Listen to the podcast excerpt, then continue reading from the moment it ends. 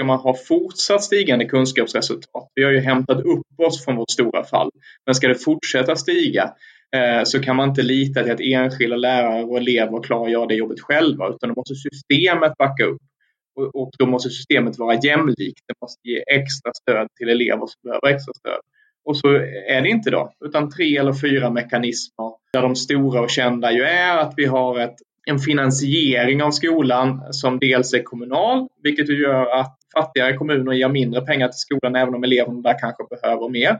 Vi har en finansiering av skolan som eh, bygger på elevpeng, vilket gör att många av de skolor som behöver mest resurser får börja varje termin eller åtminstone varje läsår med att skära ner för att ett antal elever till har valt bort den skolan så att man kommer liksom aldrig ur en ond roll. Och vi har ett, ett skolval eh, som, som, in, som gör att elever, barn helt enkelt sorteras utifrån bakgrund i väldigt stor utsträckning. Att man spär på bostadssegregation och annan segregation i samhället så att den blir eh, ännu större i skolsystemet än vad den är i samhället. Och det kombineras då med en fjärde mekanism, ett, ett väldigt nästan unikt eh, friskolesystem som ju gör att friskolor kan etablera sig i akt och mening att locka till sig elever från studievana hem eller elever med goda förutsättningar så att man, man, ja, man har segregationen mer eller mindre som affärsidé. För en person som har insyn i svensk utbildningspolitik är dagens gäst ingen främling. Han kom in i riksdagen redan som 19-åring och fick några år senare även äran att ta uppdraget som utbildningsminister. Idag arbetar han som en lärare på en folkhögskola, men det har inte hindrat honom från att yttra sina åsikter kring vad svensk utbildning är i behov av för framtiden. Han heter Gustaf Fridolin, han är lärare, före detta utbildningsminister och politiker inom Miljöpartiet. Temat för dagens avsnitt är framtiden för svensk utbildning. Du lyssnar på podden Pedagogik och ledarskap och mitt namn är Heddy Mobaras.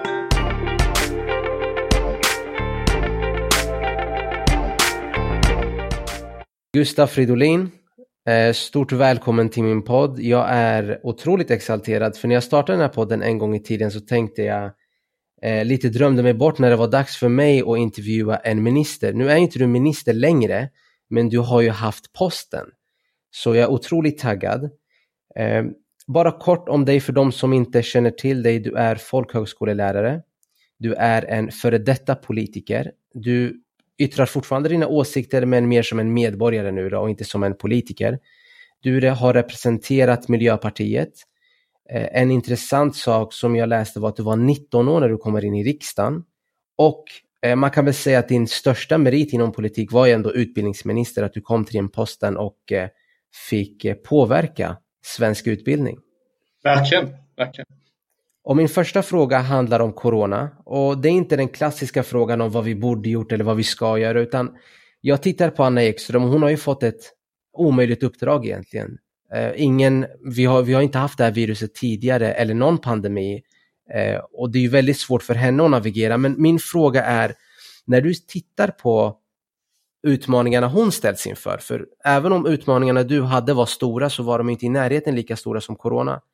Och då tänker jag, när du ser något sånt, hur tänker du som person? Tänker du det skulle vara roligt om du själv fick vara med och tackla sådana utmaningar eller tänker du herregud vad skönt att jag slapp det?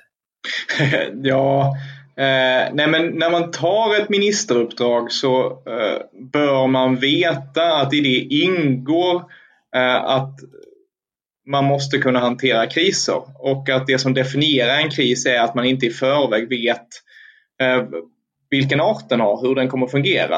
Eh, sen är ju den här krisen eh, extrem på så sätt att den är så långvarig och att det, det inte går att eh, det går inte att agera på ett sätt som gör att det är positivt i sista raden utan corona slår till mot oss och det får stora negativa konsekvenser. Så vad man kan göra är att väga de här negativa konsekvenserna eh, och alla okända faktorer mot varandra och försöka göra det bästa möjliga, vilket jag verkligen tycker andra gör. Och nej, jag avundas henne verkligen inte. Jag är ju en av de som haft lyxen att, att, att själv få välja när jag avgår och dessutom få en efterträdare som jag tycker är en, en Eh, absolut bästa efterträdare man kan få. Så att jag tycker att hon är helt rätt person på rätt plats och skulle inte vilja byta med.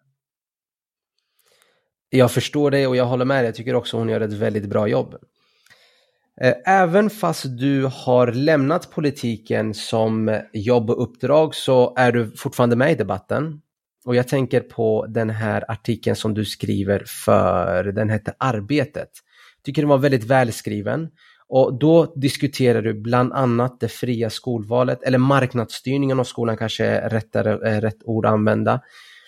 Och eh, du pratar dels om utmaningar vi står för inom svensk skola och du börjar nudda lite av de här utmaningarna.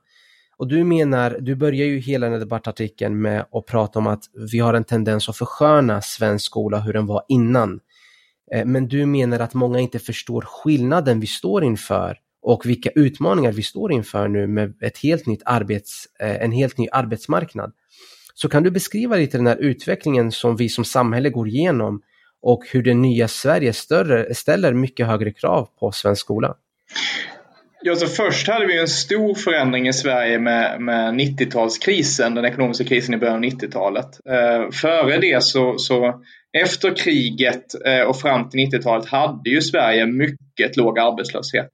Eh, och det innebar att eh, skolresultaten avgjorde vilken typ av jobb du kunde få och vilka möjligheter du hade i livet. Eh, men det avgjorde för de flesta inte om man kunde få ett jobb och om man hade några möjligheter i livet. Utan även med, med ganska taskiga skolresultat av ett eller annat skäl så, så fanns det en hel del arbete du kunde eh, få. Så ser inte arbetsmarknaden ut längre, så ser inte samhället ut längre eh, den arbetsmarknad och ekonomi vi fick efter 90-talskrisen har en, en, strukturellt mycket högre arbetslöshet. Eh, och eh, de jobb som finns att få kräver i grunden att du har med dig de kunskaper som motsvaras av att du har fullgjort en gymnasieutbildning. Eh, sen kan vi diskutera om det är rätt krav och om man eh, bör jobba mer för att skapa fler första jobb ut på arbetsmarknaden och sådär. Men den här strukturella förändringen den delar vi med alla liknande ekonomier. Den kommer vi inte i, i, i grunden ifrån. Vi bör pressa ner arbetslösheten men det kommer fortsätta vara så att eh, arbetsmarknaden ställer idag krav på kunskaper som, som man behöver klara skolan, inte bara gå igenom utan klara skolan för att, att få.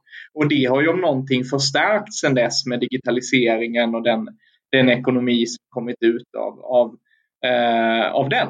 Eh, så att eh, det, det man ibland missar när man jämför med skolan förr och skolan nu eh, var att skolans uppdrag idag eh, i mycket större grad är att verkligen alla måste klara eh, hela den kunskapsmängd man behöver ha för att få makt över sitt eget liv. Och riktigt så såg det faktiskt inte ut eh, i samhället före 90-talskrisen.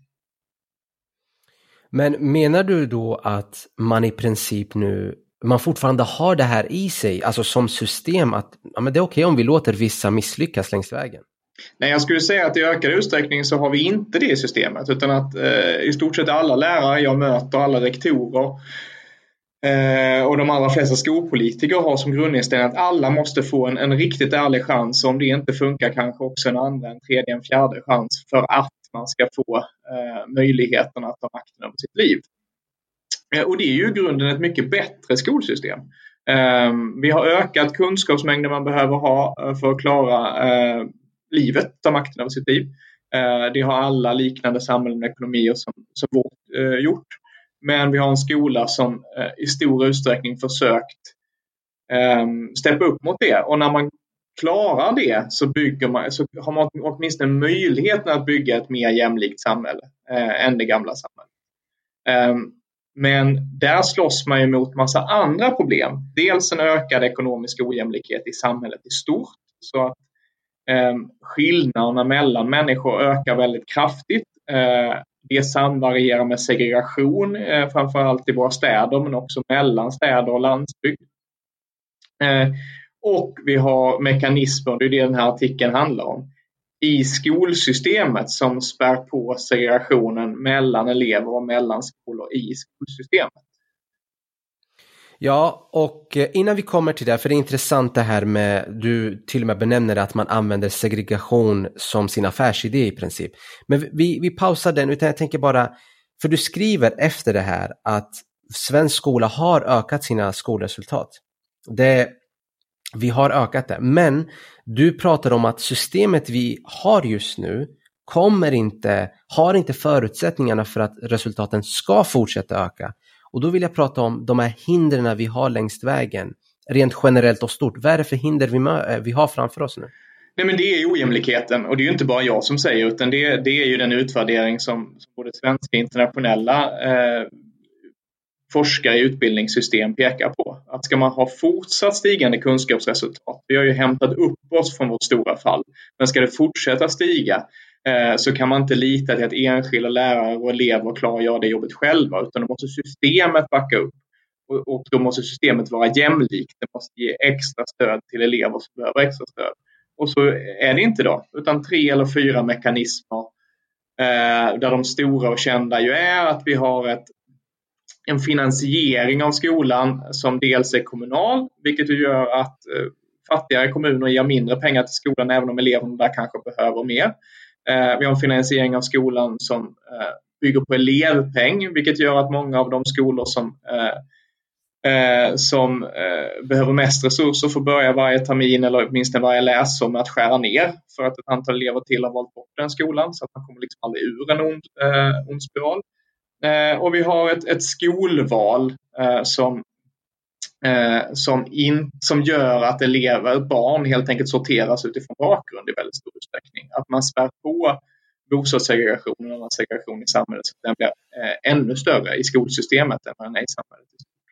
Eh, och det kombineras då med en fjärde mekanism. Eh, ett, ett väldigt nästan unikt eh, friskolesystem som ju gör att friskolor kan etablera sig i akt och mening att locka till sig elever från studievana hem eller elever med goda förutsättningar så att man, man, ja, man har segregationen mer eller mindre som affärsidé.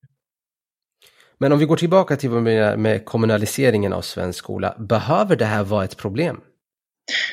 Ja, det, det, det, är min, min slutsats eh, utifrån eh, min erfarenhet som minister och, och det jag ser av skolsystemet. Att eftersom ansvaret för ekonomin av skolan är kommunal eh, och våra kommuner har väldigt olika ekonomiska muskler. Eh, och de kommuner som behöver satsa mest på skolan eh, därför att man, kan, man har en högre andel föräldrar som inte har akademisk bakgrund, som inte kan ge samma typ av stöd till sina, eh, sina barn, har mindre resurser eh, så, blir, så skapar kommunaliseringen ojämlikhet. Och den ojämlikheten späs på med varje Eh, ekonomisk kris. För ekonomiska kriser påverkar inte landet lika. Eh, finanskrisen 2009 påverkade inte Stockholm speciellt mycket, men det påverkade eh, alla kommuner som har tillverkningsindustri väldigt mycket. Och de kommunerna blev ekonomiskt svagare, de var tvungna att skära i skolan som ofta är ungefär 40-50 procent av den kommunala budgeten, när man istället skulle behöva satsa på skolan. Så när föräldrarna blev arbetslösa så fick barnen samtidigt en sämre skola. Eh, när kanske skolan istället skulle behöva vara bättre i det läget. Eh, om, bara så jag förstår dig, pratar du då om att staten ska få huvudmannaskap eller pratar du om att finansieringen ska ske statligt? Ja, min, för mig handlar det om att finansieringen ska ske statligt. Jag tror inte den stora frågan är vem som är arbetsgivare för lärare och rektorer. Eh, det kan ju konstateras att, att de som har statliga arbetsgivare eh, idag tycker inte det är den bästa eller tryggaste arbetsgivaren. Fråga medarbetare i polisen eller Försäkringskassan eller, eh, eller så. Eh, men finansieringen måste vara statlig. Eh, och någonstans, jag tror att om man slår upp huvudmannaskap, alltså inte kopplat till skolan utan huvudmannaskap som begrepp, eh, så, så brukar det definieras av den som är ekonomiskt ansvarig. Så är staten ekonomiskt ansvarig så är man ju i någon mån också huvudman. Men det kan mycket väl vara så att skolan fortsätter utföras kommuner och, och, och för den delen friskolor om man får rätt på regelverket för dem om vi, jag håller ju med dig i det här med finansieringen, men om vi bara tittar just nu politiskt, vad har vi för hinder framför oss för att just vi ska förstatliga eller finansieringen ska förstatligas? För det här, det låter väl rimligt, ah, det låter, det låter väldigt logiskt. Vad är det som hindrar oss från att bara eh, komma igång med det här? Ja, men alltså grundproblemet har varit att eh, Eh, alla, ingen har försvarat skolsystemet som helhet. Eh, men alla har haft sin favoritreform från 90-talet att skylla på eh, och så sin reform som de har skyddat. Så Socialdemokraterna som genomförde kommunaliseringen med, med Vänsterpartiet, de har skyllt på marknadsskolan, friskolesystemet, det har varit problemet.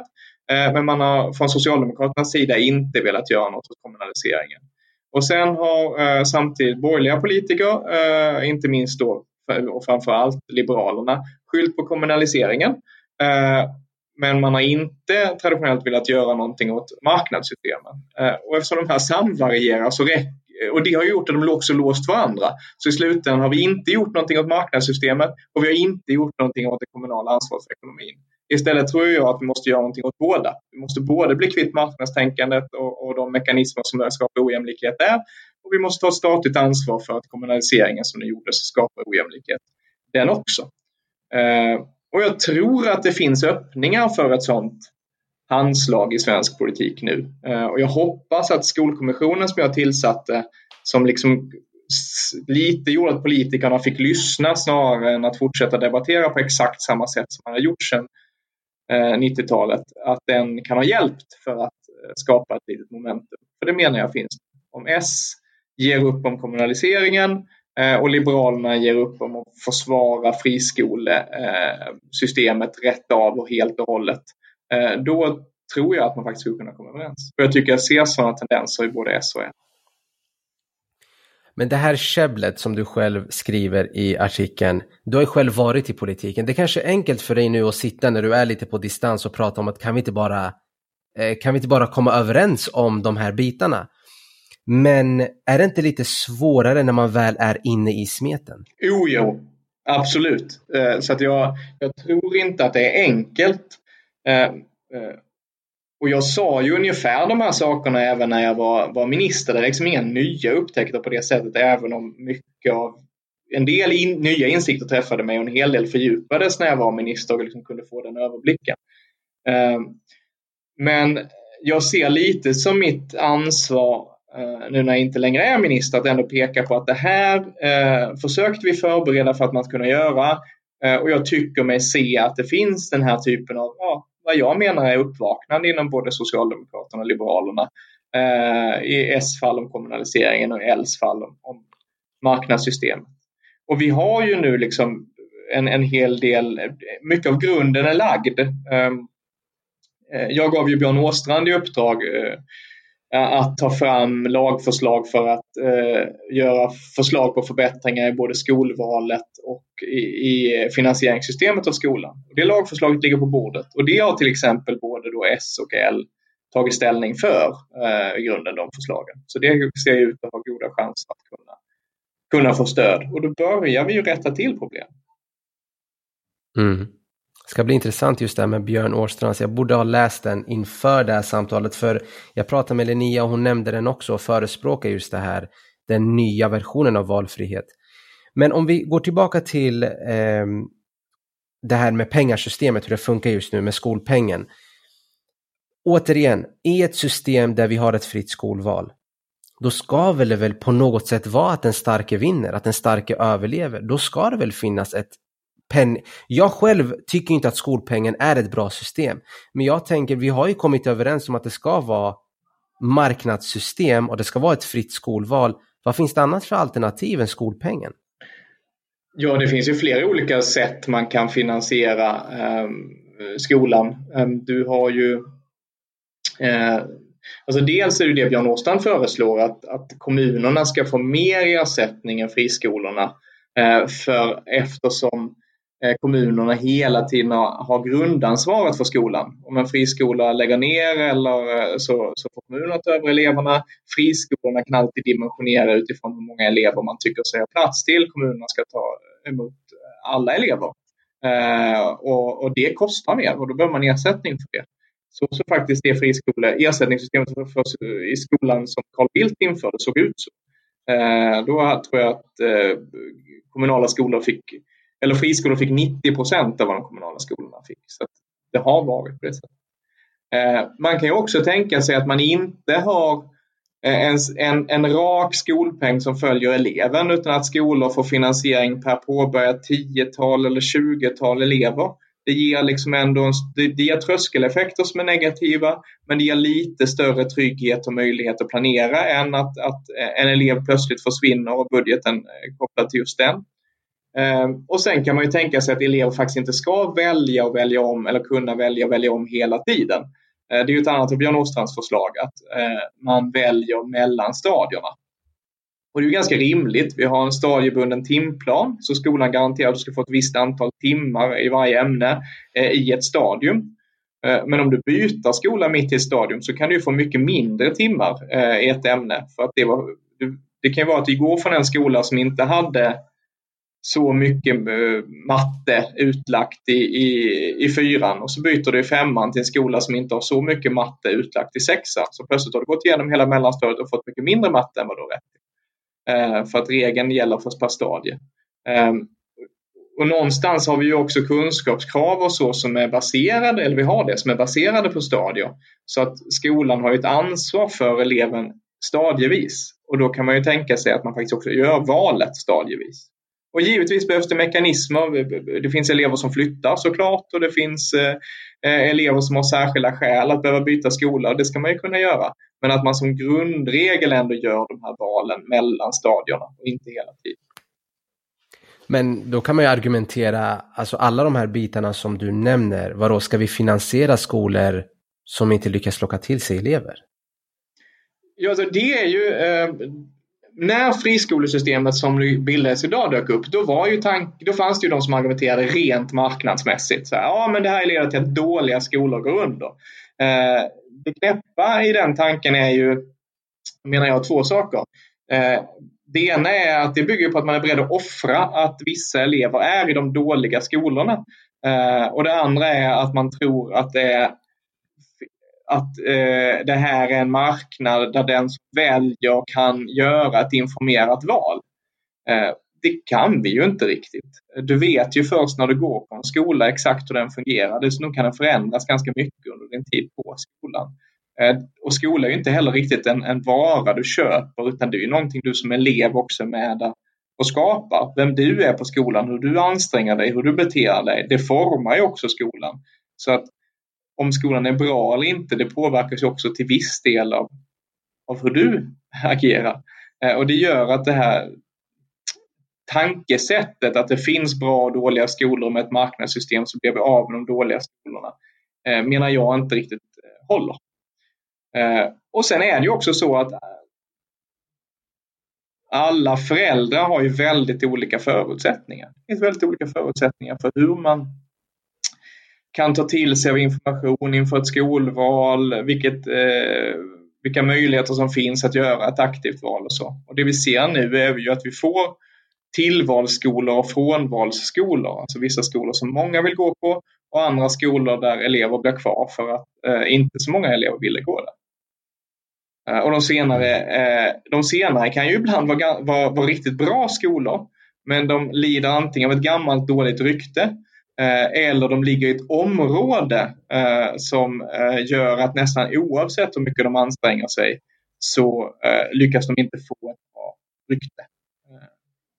Även de som, föräldrar som gör, tror sig göra ett informerat val, visar i forskningen ganska väl, gör inte det riktigt utifrån verkliga parametrar. Det är svårt som förälder att göra en, en en ordentlig djup granskning av hur det pedagogiska arbetet på en skola går till utan det blir ganska ytligt beroende på rykten och kompisar och vad andra föräldrar säger eh, och kanske att man jämför resultaten i, betyg eh, och då får man hela problemet med glädjebetyg eh, och risken att skolor har höga betyg för att de ska ta till sig snarare än att det motsvaras av höga kunskaper. Och sen vi, finns det ju forskning som visar att man ofta väljer skolor med liknande bakgrund, alltså elever med liknande bakgrund. Och sen det här du pratar om pedagogik, och, för det har ju också varit ett argument, du ska kunna välja den pedagogik som passar dig eller den utbildning. Och jag har själv varit på några skolor nu, alltså sånt kan ju förändras, nu pratar jag allmänt, sånt kan förändras med rektor. Mm. Alltså resultaten kan dyka med rektor, resultaten kan alltså skjuta i höjden med rektor. Allt beror på ledarskapet, sånt förändras ju. Så jag är helt med dig. Jag vill komma in lite på det här med vinster. För nu har vi friskolor som är dels på börsen och de skördar väldigt stora vinster och återigen vi kommer tillbaka till det här med segregation som affärsidé. Och det finns vissa saker, jag, jag förstår inte hur vi hamnade här. Jag tänker, du har varit i smeten, du har lite bättre koll. Hur hamnade vi i ett läge där de här friskolorna faktiskt kunde dra de här stora vinsterna? Nej, det är alla som var med där på 90-talet, jag var ju inte det av naturliga skäl, jag gick själv i grundskolan. Men det, det säger var ju att man inte såg det här framför sig. Eh, utan, utan man, man hade ju ett liknande system på förskoleområdet om jag förstår rätt. Eh, som inte hade vid det laget lett till liksom några stora koncerner eller så, utan det var ofta mindre aktörer, eh, förskollärare, föräldrakooperativ själva som liksom drev det. Så det var det man trodde skulle hända på skolområdet eh, också. Men väldigt eh, snabbt så började det istället utvecklas mot att du fick mer och mer av marknadssystem i det och du började få de stora koncernerna. Och även sådana som från början var idealistiskt drivna blev ju mer och mer fokuserade på, på ekonomin. Så fungerar Eh, marknader och sen har vi sett de här eh, skandalerna efter varandra. Eh, och efter ett antal sådana skandaler så lovade ju alla partier att man ville göra något åt det och då handlade det egentligen bara om hur mycket man skulle göra åt det. Men även Moderaterna var inne på att man vill göra någonting åt det om vi tittar tillbaka på, på valrörelsen 20, 20 till valrörelsen 2014. Och sen blev det val. Ehm, efter det så, så fanns och de, de borgerliga eh, fick lämna över regeringsmakten. Eh, och efter det hände två saker. De borgerliga partierna ville inte göra något, bestämde sig slutligt för att de inte ville göra någonting eh, åt vinsterna. Man kunde tänka sig att göra vissa andra saker som reglerade till exempel lämplighet för skolägare och sådär, men inte något mot vinsterna. Eh, och Sverigedemokraterna som faktiskt hade sagt att de var för ett helt förbud mot vinster, de, de bytte fot helt och hållet. Eh, och det finns väl idag ganska väl dokumenterat vilka kontakter de hade med friskolesektorn innan. Den här delen av friskolesektorn innan, innan dess. Eh, och de bytte fot kan och sa att de där? inte... Kan vi, ja. i, den, I den tanken, för du, du, skrev om den i artikeln, om det här med Sverigedemokraterna, att de byter, flippar helt och hållet. Alltså pratar vi korruption? Alltså rent ut sagt korruption? Det, det, det, går väl aldrig upp. Det beror på helt vad du lägger i det ordet egentligen. Eh, men att det fanns kontakter som gjorde att Sverigedemokraterna övertygades om att ändra åsikt i, friskolor, i frågan om friskolevinster, det är uppenbart. Eh, om det fanns pengar inblandat i de kontakterna, det, eh, det har jag inte sett några anklagelser rätt, rätt ut om. Efter det har det införts regler Eh, om att partierna måste redovisa var de får pengar ifrån. Eh, men det fanns inte riktigt den typen av regler ehm, vid, det här, alltså vid valet 2014 och åren direkt efter. Utan de kom då. Jag förstår, för det där det, det blir ju lite frustrerande. Jag, jag, om jag hade varit en, eh, en person som röstar på SD och i och med att jag är lärare, du också lärare, då är ju utbildningsfrågan väldigt viktig för oss jag hade blivit vansinnig där. För det här det är ju nästan en, eh, en fråga som kan avgöra en röst. Så jag, jag känner, visst jag var rätt ung under den tiden, jag var inte lärare på samma sätt, jag var inte ens in, inom lärarbranschen. Så det här har ju helt, jag har ju inte ens haft koll på den här, ja, vi kanske kallar det skandal, men vissa kanske inte ens kallar det skandal. Så ja, jag, jag, blev, jag blev lite chockad när jag läste det faktiskt. Jo, nej, men det, och det, det, det är klart, det där, var, det där blev ju ett väldigt problem eh, tror jag också för, för oss som regering förra mandatperioden. För vi jobbade ju vidare för att få till ett, ett, ja, men ett förbud mot att göra stora vinster i, i skolsektorn och andra delar av välfärden. Och la fram ett sådant lagförslag och sen fälldes det. Eh, och det det blev ju lite symbolen av att vi inte lyckades göra någonting här. Samtidigt så fick vi ju till en del andra regleringar som jag tror är viktiga. Dels det här med lämplighet. Det är ju helt absurt att det inte funnits det innan, men nu finns det. Det är ju det som gjort att man har kunnat rensa ut några av eh, religiösa extremister och annat som har funnits i skolsektorn. Att den lagstiftningen äntligen kom på plats. Det fanns inte innan. Eh, och dels eh, fick vi till eh, eh, hela arbetet som, som Skolkommissionen representerar med att börja fundera mycket djupare på hur finansierar man skolan, hur ser det ut, som sedan ledde fram till Björn Åstrands lagförslag som ju nu verkar ha majoritet med sig med tanke på Liberalernas ställningstagande.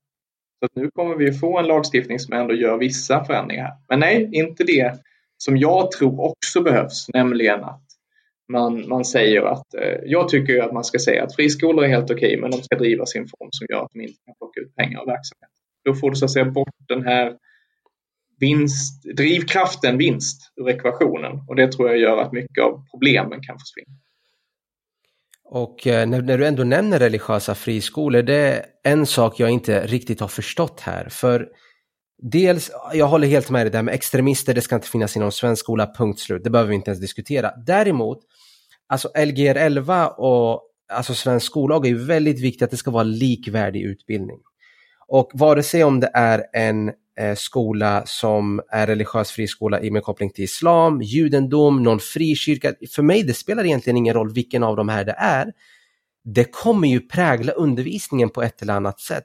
Hur kan man då argumentera och tillåta religiösa friskolor och mena att det är en del av likvärdig utbildning? Jag frågar, ja, ja, jag förstår vad du menar. Och frågan är juridiskt inte alldeles enkel. Um, historien bakom var ju att en gång i tiden hade eh, Sverige inga religiösa friskolor. Eh, man tillät eh, judiska skolor. Eh, innan man hade dagens reglering av nationell minoritet så tillät man ändå judiska eh, skolor. Eh, med tanke på den, den erfarenhet eh, av antisemitism som finns i Europa så, så, så var det någonting som man, man såg som självklart. Några andra religiösa friskolor fanns inte, eller friskolor med, med religiös huvudman. Eller så.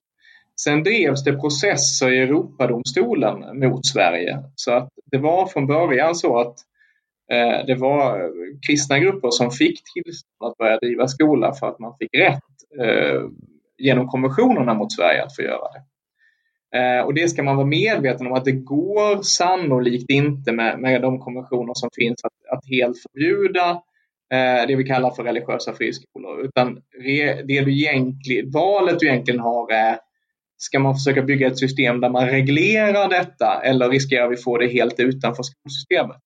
Ibland pekar man ju på Frankrike som en modell att där är det helt förbud med religiösa friskolor. Ja, för att du har, väldigt, du har mycket mer hemskolning i Frankrike. Jag tror knappast att det hjälper Eh, barnen som man, man, har i fråga. Eh, så den svenska modellen, om den, när den fungerar, innebär att du kan ha en insyn i skolorna istället. Och det tror jag grunden kan vara ganska vettigt, men då måste vi få den att fungera. Och det har vi inte haft regelverket för innan.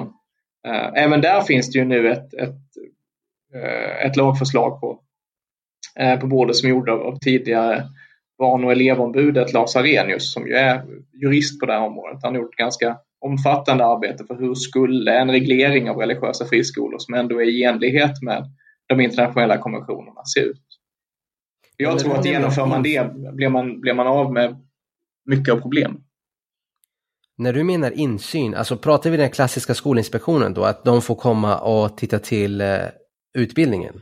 Det jag tror att man skulle göra, och det ligger i Lars Arrhenius förslag, det är att man måste göra en bedömning av att den som driver skola också vill förverkliga eh, den värdegrund och det demokratiuppdrag som skolan står eh, Och då tror jag inte man kan säga rätt av att ingen religiös aktör skulle vilja göra det. Jag tror att Svenska kyrkans förskolor jobbar i enlighet med med värdegrunden och, så. Jag tror inte att de är diskriminerande mot barn som inte tillhör Svenska kyrkan. Eh, jag har liksom aldrig sett några anmälningar mot dem som skulle antyda det. De har ett antal förskolor. Jag har inte sett någonting som skulle antyda att de har några problem där. Eh, och jag är övertygad om att det finns också i andra religioner företrädare det skulle kunna gå att, att göra ett arbete som är i enlighet med läroplan och, och eh, de regler som vi har för svensk skola. Men man måste göra en bedömning av, av av de som vill driva skola. Och det har vi inte gjort innan i Sverige, utan man har låtit Ja, före nu lämplighetsprövningen som, som jag införde så lät man faktiskt vem som helst driva skola. Det fanns liksom ingen koll alls på vilka som drev skola. Vem som helst fick driva skola och sen i efterhand skulle man kontrollera det genom Skolinspektionen. Ehm, och det är klart jättesvårt att kontrollera. Men ganska ofta hittade man ju till och med då problem. Och så anmärkte man på ett problem och så rättades precis det till. Men nästa gång man var där så var det någonting annat som var problem. Därför att, det, därför att den som drev skolan ville inte göra det i enlighet med reglerna som fanns. Och då, då kommer man inte heller göra det. Utan ska man ge förtroende till någon att driva skola så ska det vara någon som tror på demokrati och jämställdhet och de regler som skolan ska arbeta Annars kommer man inte få driva skola. Och jag säger inte att det kan aldrig någon religiös aktör göra, men jag säger att det måste vara mycket, mycket strängare regler än vad det är idag. Nej, och du vet, jag nämnde, vad jag menar är ju inte heller någon specifik religiös aktör, utan jag tänker bara idén. Mm. Idén tycker inte jag går ihop med likvärdig utbildning. Nej, det finns, en, ja, det, det, finns nog en målkonflikt där. Um, och inom vilket politiskt område finns det inte det? Alltså min anledning till att jag ger långa svar är att jag tror att det är lite mer komplicerat än så. Jag, jag känner själv också, vi har haft judiska skolor i Sverige sedan 50-talet, men en växande antisemitism tror jag inte att det vore ett vettigt beslut att säga att nu ska inte få, få finnas eller, eh, eller få ta in fler elever än vad de hade förra året. Nu ligger det ett sådant förslag på bordet att man ska, säga, ska tillåta de religiösa friskolor som finns idag och enligt det förslaget så som det är skrivet räknas de judiska skolorna som jag har förstått det, eh, till religiösa friskolor. Men de ska inte få bli större. Så om det nästa år finns några barn till eh, som vill gå på, på de judiska skolorna ska de inte få det om det lagförslaget går igenom. Jag tycker att det blir lite snett. Men menar du att eh, antisemitismen hade förvärrats om de hade fått gå i vanliga skolor? Nej, så behöver det inte vara. Man har ju haft samarbete och tror man har det fortfarande med judiska klasser i kommunala skolor och så. Men eh, jag kanske inte tror att det principiellt vettigaste är att majoritetssamhället definierar hur eh, en eh, minoritet ska eh, organisera sin verksamhet på tryggast möjliga sätt. Jag tror att det där kan bli svårt. Ja, och det ska sägas även i länder som inte har eh, friskolor så finns det vissa friskolor. Eh, Finland, som man brukar peka på, i Finland finns det inga friskolor. Så man, ja, men det finns en judisk skola, det finns några Waldorfskolor. Även mm. i Finland. Jag förstår vad du menar just det här med minoritet och majoritet, men samtidigt, jag, jag tänker Lgr 11 och hur svensk skollag är skriven, den är ju väldigt, eh, vad ska man säga, inkluderande. Mm. På, på, rakt igenom. Mm. Så att förbjuda en religiös friskola enligt mig, och då pratar inte jag om en specifik utan mm. allmänt. Mm. Det för mig eh, krockar inte där. För jag tycker den är så, för skollagen och eh, hur allt är skrivet, alltså svensk utbildning tycker jag är så himla inkluderande. Samtidigt kommer vi tillbaka till vad du säger om arbetsmarknad och likvärdighet och hur förbereder vi de här ungdomarna till framtida arbetsmarknaden då tror jag det gynnar mer om att det är så lika som möjligt. Nej, men jag, jag köper nog ditt resonemang rätt av, men jag tror inte heller att till exempel eh, den judiska skolan i Stockholm eh, är en skola som på något sätt, eh, vad jag vet i alla fall och vad, vad jag kan läsa ut av anmälningar och inspektioner och sådär, skulle ha några problem med att följa värdegrunden och eh, öppenhet. Sen har man ju då juridiskt delat på det så att man, undervisningen måste vara helt konfessionsfri på alla skolor. Det får liksom inte eh, ha inslag av, eh, av eh, som går att härleda till en konfessionell inriktning. Och det där eh, försöker man granska så gott man kan. Inspektionen är rätt duktig på att göra den där typen av granskningar för att man jobbar ju Dels gör man ju klassrumsbesök och sådär, man jobbar ju också med elevintervjuer eh, lärarintervjuer. Jag har varit med på ett par sådana granskningar. Det är ett rätt, rätt omfattande arbete. Eh, och ibland så upptäcker man att det brister. Eh, det kan ju också hända på kommunala skolor. Att det finns enskilda lärare som låter sina, sina religiösa eller andra övertygelser färga av sig. Det fanns ju för ett antal år sedan väldigt mycket diskussioner om eh, en, en frikyrkas inflytande i eh, Eh, Eh, i eh, byn Knutby i Uppland. Eh, och där var det ju en diskussion som man hade i förhållande till vilket inflytande som fanns på den kommunala skolan. Förstår. Eh, jag har en sista fråga här och det är något som oroat mig mycket och det här att vi kommer skicka ut de här ungdomarna i en värld där många lever i parallella digitala bubblor där alla blir matade viss typ av information och tycker du på ett visst sätt så är det bara den åsikten som kommer visas för dig. Och jag bara känner, hur tänker du kring den utmaningen vi lärare står inför för att rusta elever inför den här framtiden? Är vi tillräckligt rustade för att ge dem rätt förutsättningar? Nej, och det har vi kanske aldrig varit som lärare. Framtiden är alltid lite stor och skrämmande och svår. Eh, och man kan liksom, det här är väl en av sakerna som jag kan oroa mig för. Men då kan man fundera på vilka verktyg eh, är, spelar störst roll för att ja, men, eh, sticka lite hål på filterbubblor och visa på andra verkligheter än de som man naturligt tänker eh, om man bara tänker på människor som är precis som en själv, tycker precis som en själv. Eh, och då vill jag ju verkligen slå ett slag för skolbiblioteken. Jag tror skolbiblioteken kan spela en jättestor roll som en arena där man lär sig mötas och möta åsikter och erfarenheter som inte är sina egna, där man arbetar med den här frivilliga läsningen som är så viktig för att man ska öva sig att sätta sig in i andra människors perspektiv och se världen utifrån någon annans eh, upplevelse. Och där man också arbetar med det som vi kallar för medie och informationskunnighet, alltså granska information, förstå hur de här filterbubblorna och det andra digitala sammanhangen påverkar oss och vad källor betyder. Um, jag har haft det uppdraget med att ta fram en lagstiftning för, för hur vi kan garantera skolbibliotek på alla skolor. Jag tror verkligen att det är en riktigt viktig del av skolans infrastruktur och någonting som kan stödja och jobba ihop med lärare på ett bra sätt. Håller helt med dig. Gustav, jag är jättenöjd med samtalet. Jag uppskattar att du tog dig, uppskattar att du tog dig tiden att prata med mig idag. Eh, värdefullt samtal. Ser fram emot att följa din resa och fortsätta läsa artiklarna du släpper. Tack så jättemycket. Jag kommer nog inte kunna vara tyst framåt heller. Det som och det tycker jag att du ska vara. Tack för det. Toppen, tack. tack. Jag vill tacka dig som har lyssnat, delat våra inlägg eller supportat podden på ett eller annat sätt. Jag vill även tacka Gustav som tog sig tid att ha ett samtal med mig idag. Glöm inte att titta till min Facebook och YouTube-sida Pedagogik och ledarskap. Ses snart igen.